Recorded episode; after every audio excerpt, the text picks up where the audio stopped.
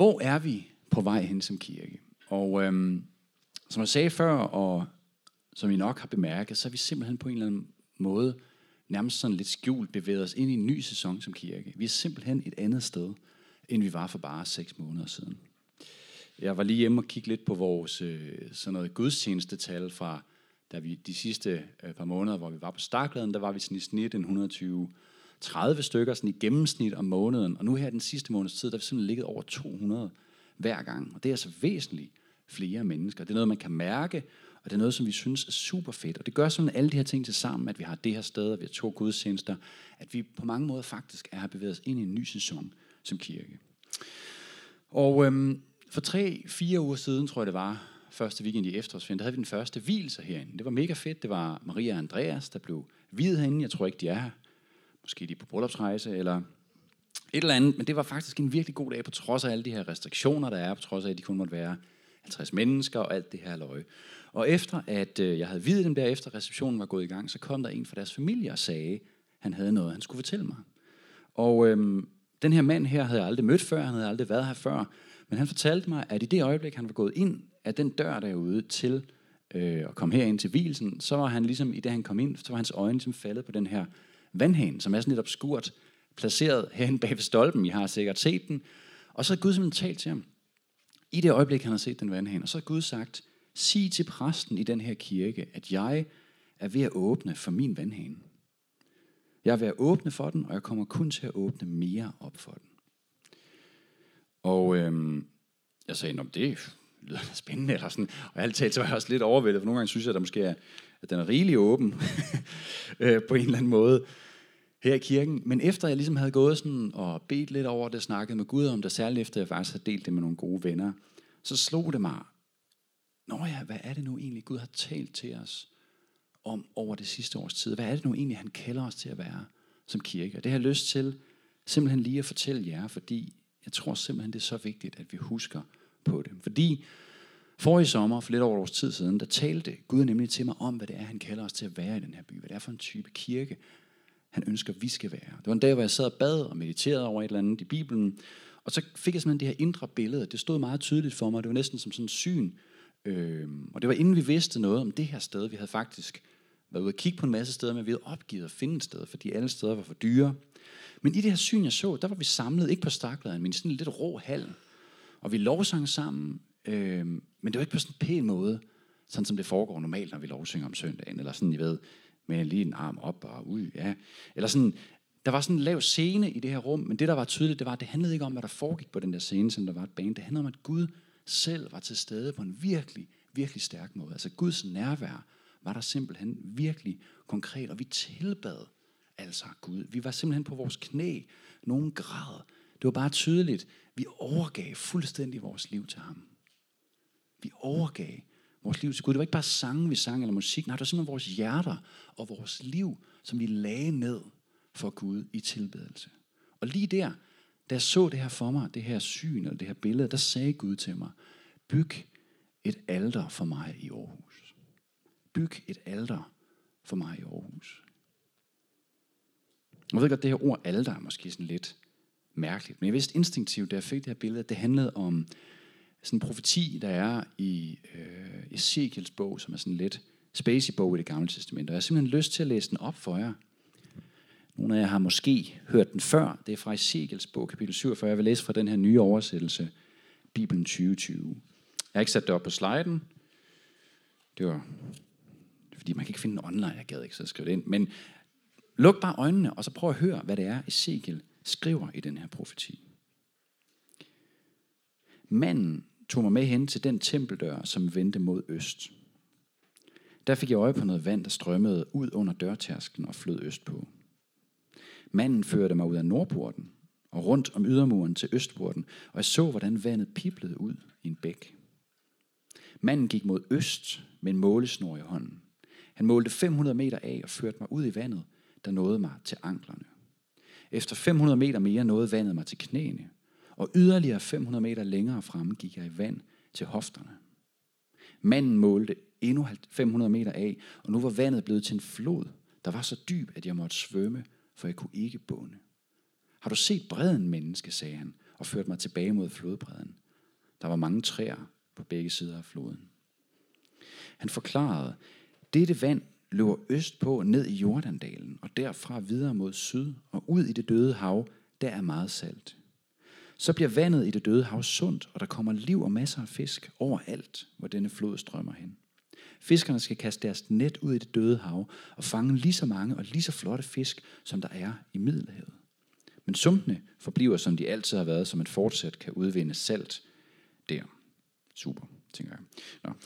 Ved begge bredder af floden er der alle mulige frugttræer, som aldrig visner eller holder op med at bære frugt. Hver måned vokser ny frugt frem på træerne, for de vokser ved det vand, der strømmer ud fra templet.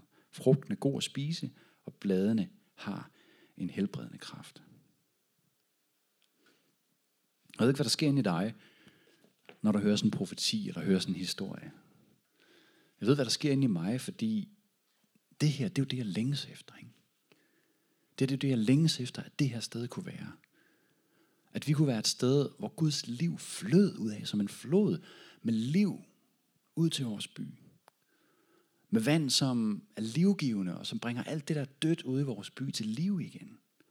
Som bringer alt det gode fra Guds rige, frihed, fred, glæde, håb, forsoning, alle de her ting. Det er simpelthen det, vi længes efter. Og ved I hvad? Jeg synes, vi allerede ser det ske. Når vi fejrer alt det, som Anne fortalte om lige før, så er det jo lige præcis det, der sker. Ikke?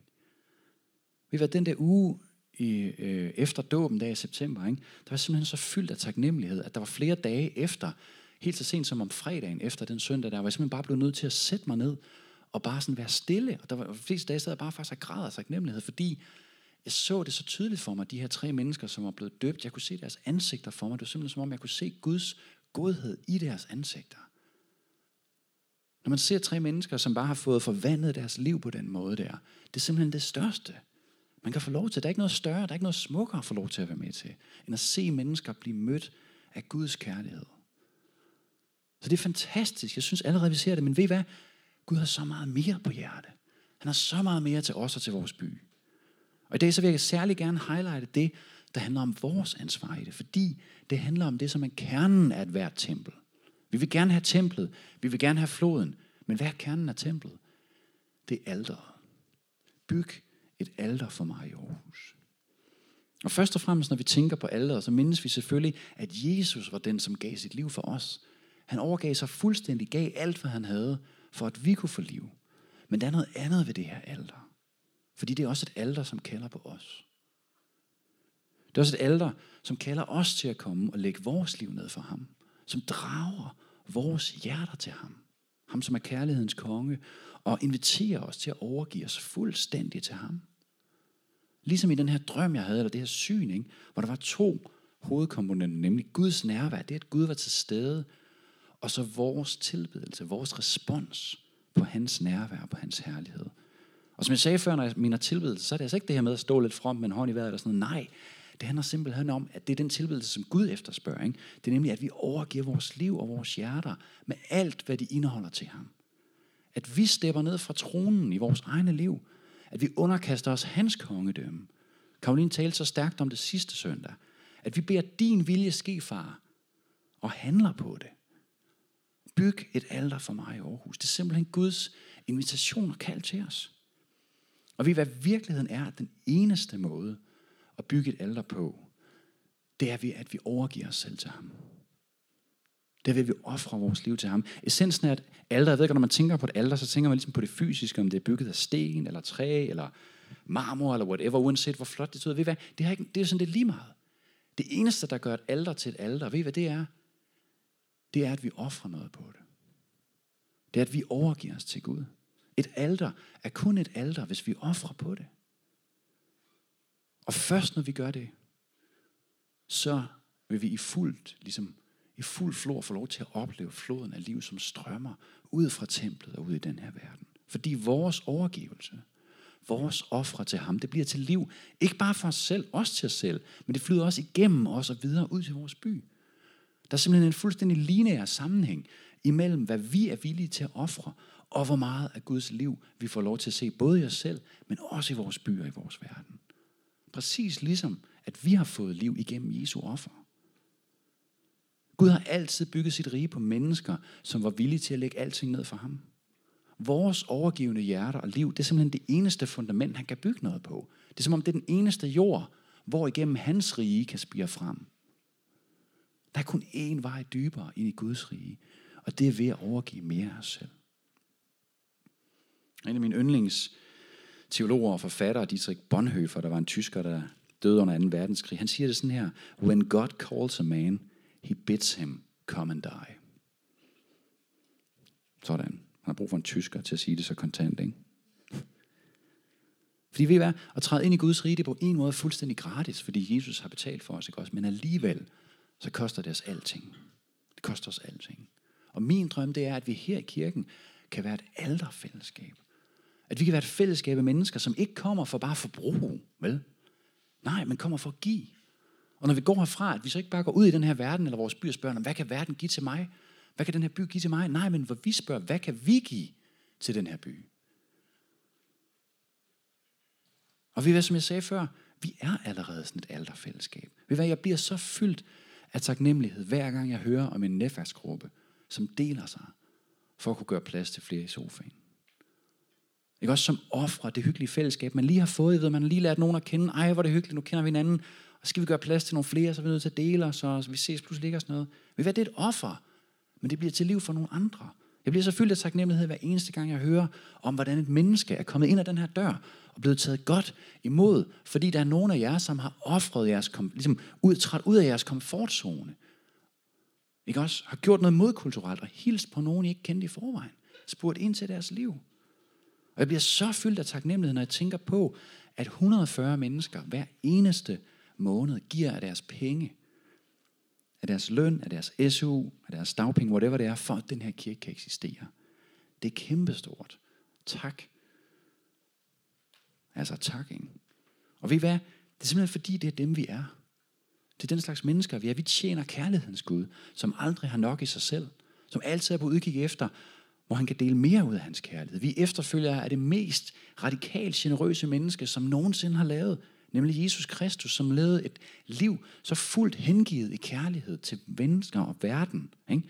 at han ultimativt gav alt, hvad han havde og alt, hvad han var, for at give os liv. Det er ham, vi følger.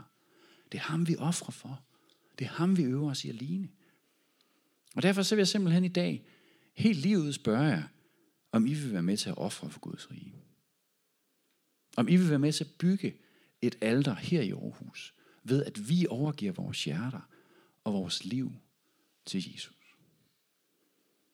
Og jeg ved godt, i den her kultur, vi lever i, der er det her med at ofre for noget, som ikke på en eller anden måde er for ens egen skyld.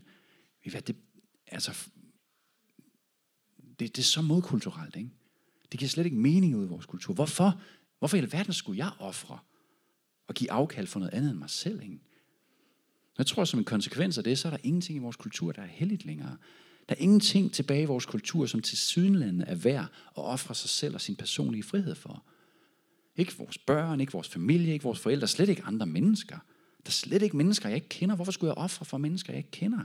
Det, at du skulle opgive din personlige frihed, din personlige mulighed, din personlige nydelse, eller komfort, eller forplejning for noget andet. Noget, som egentlig ikke handler om dig selv. Det er totalt helligbrød, ikke også? Det strider fuldstændig imod den tidsånd, som er som taler til os hver eneste dag og siger, nej, nej, det skal du da have.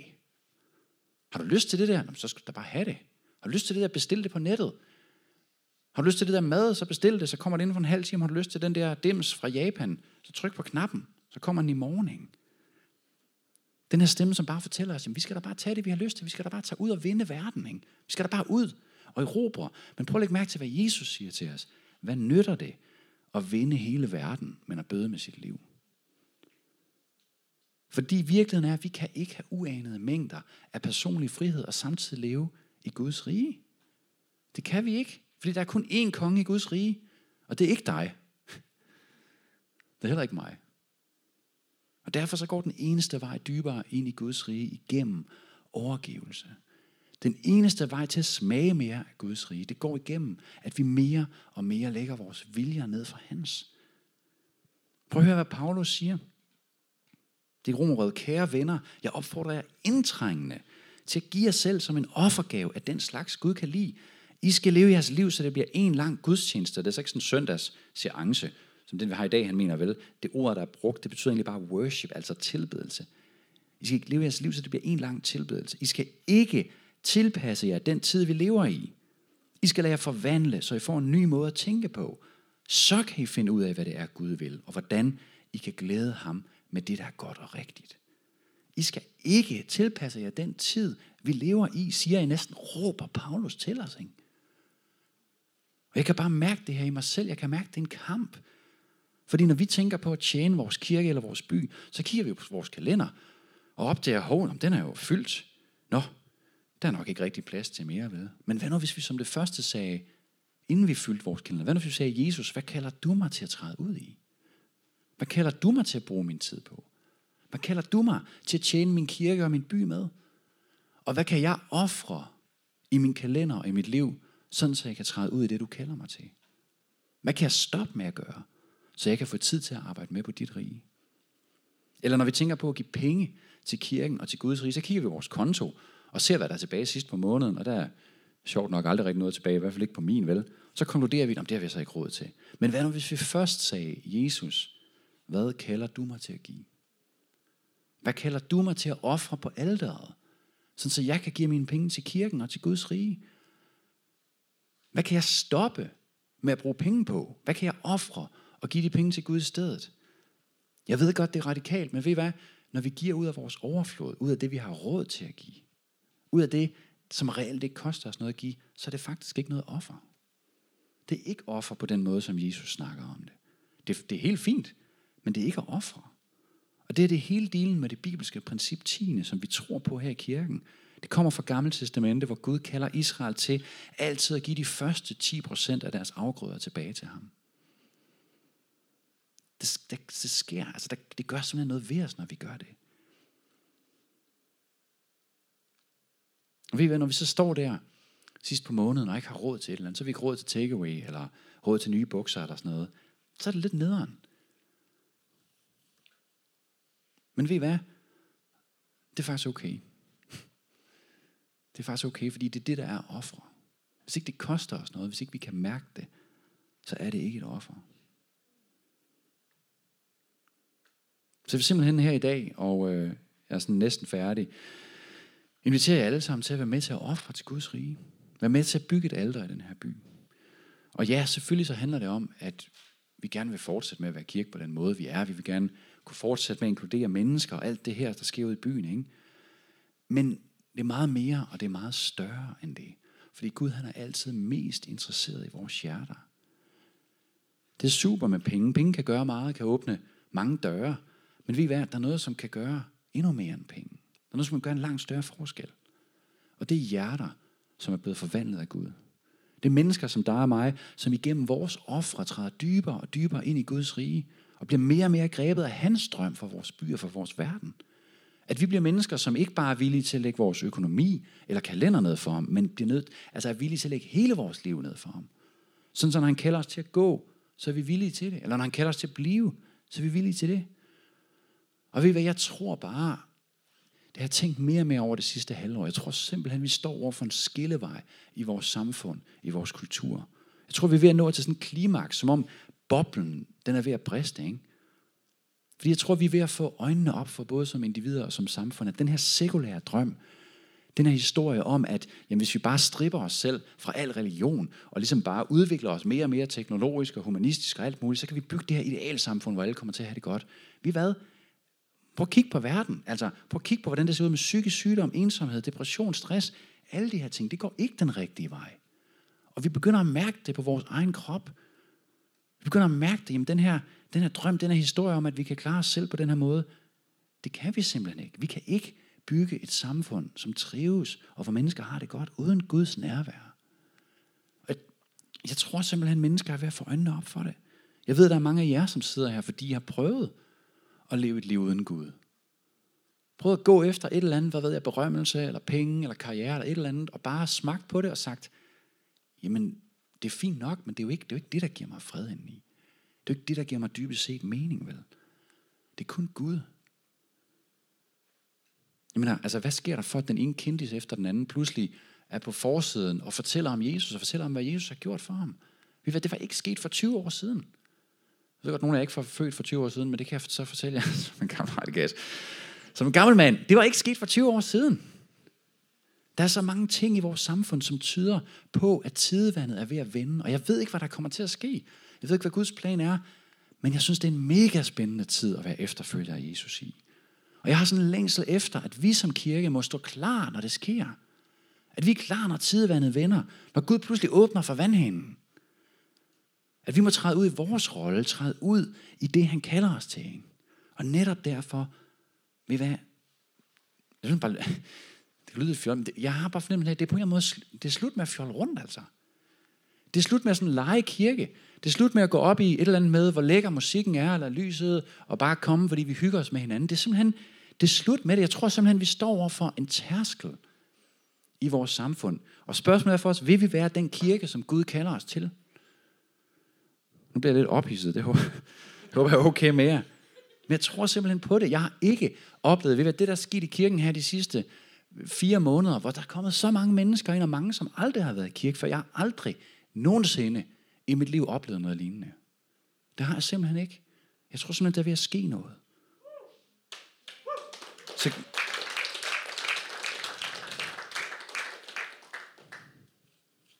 ja.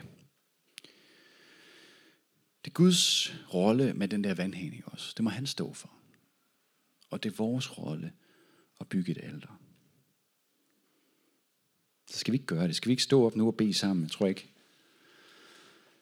Der er så meget at sige, nå jo, der er faktisk... Øh, jeg prøver lige stille op, nu skal I høre essensen af det her. Det, det er noget, som jeg lige fandt her faktisk i går, da jeg sad og, og googlede noget, en vineyard-præst, som har tweetet det her. Prøv at høre en gang. Those who shape the future live surrendered, altså overgivet to the Father. They don't seek influence, they walk in obedience, altså lydighed. They are not the movers and the shakers. They are the moved and the shaken. And they spend their days building altars, not platforms. Kan vi ikke bede sammen? Gud, vi må bare erkende for dig, at på mange måder, så bliver vi så, vi er så infiltreret af, kan man sige, tidsånden og det, som sker rundt omkring os i samfundet og i vores kultur. Men samtidig så kan vi bare se, Gud, det, det er ikke det, du kalder os til. Du kalder os ikke til at være sådan en eller anden form for udvandet kirke, hvor vi går op i de forkerte ting. Du kalder os til at komme og dø for dit rige. Og, vi, og det er radikalt, og der er ingen af os, der sådan helt kan gribe det, og vi er kun i proces med det, vi er kun på vej derhen. Men vi ønsker bare sådan at sige, ja Gud, ja, hjælp os med at bygge det alter. Hjælp os med at overgive os fuldt ud til dig. Vi ønsker at blive brugt af dig. Vi ønsker at blive forvandlet, sådan, så din flod den kan flyde igennem os og igennem os ud til den her by. Ud til alle de steder, hvor der er dødt. Ud til det døde hav, hvor der bare er salt og ja, hvad der nu er i det døde hav. Men at det må flyde ud med dit liv, Gud.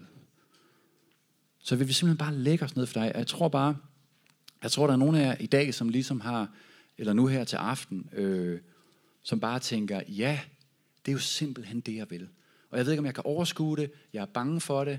Jeg ved ikke, hvad der kommer til at ske, hvis jeg siger ja til det her, men det er det, jeg vil med mit liv. Jeg har simpelthen bare lyst til at invitere jer til at række hånden op. Det er ikke, fordi der sker en magisk ved bare for at sige til Gud, yes, det er mig. Jeg vil det her. Jeg vil overgive mig til din plan for mit liv, til din drøm. Du måske, det kan også være, at du står op faktisk bare overvældet over, okay, kan jeg få lov til at spille en rolle i Guds kæmpe store drøm for den her by? Og bare sige til dig, ja, det kan du. Det kan du. Der er ingenting, som, altså der er ingenting, som ligesom er til hindring for det. Vi skal bare træde ud i det, ikke også? Så ræk hånden op, hvis du ligesom tænker, yes, det er mig. Og så vil jeg bare lige bede for jer, som har den fornemmelse. Jeg takker dig, Gud, for, for de mennesker, som bare kan mærke et eller andet i deres hjerte. At det her på en eller anden måde sætter ord på det, som de gerne vil. Jeg takker dig, fordi de er klar til at overgive sig. Jeg beder om, far, du må tage dem i hånden. Et skridt ad gangen. Hjælp dem, hjælp os til at overgive os til dig, Gud. Vi ønsker, at dit rige må bryde igennem i os i vores liv og i vores by.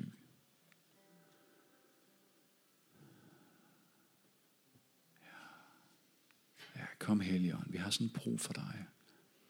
Jeg beder os for de af os, som måske bare altså overhovedet ikke er der, bare sådan er fyldt af frygt, eller bare tænker, det lyder bare så langt for mig, det der, bed om Gud, du må komme til os og mødes med din godhed og med din kærlighed, at vi må blive fyldt af tillid til dig. Tillid til, at du er virkelig en god far, sådan så når vi giver os selv til dig, så er det, så er det ikke usikkert, så er det ikke utrygt, vi kan gøre det i fuld tillid. Kom til os, Helligånd. Mind os om, hvor god du er. Mind os om, hvor god du er.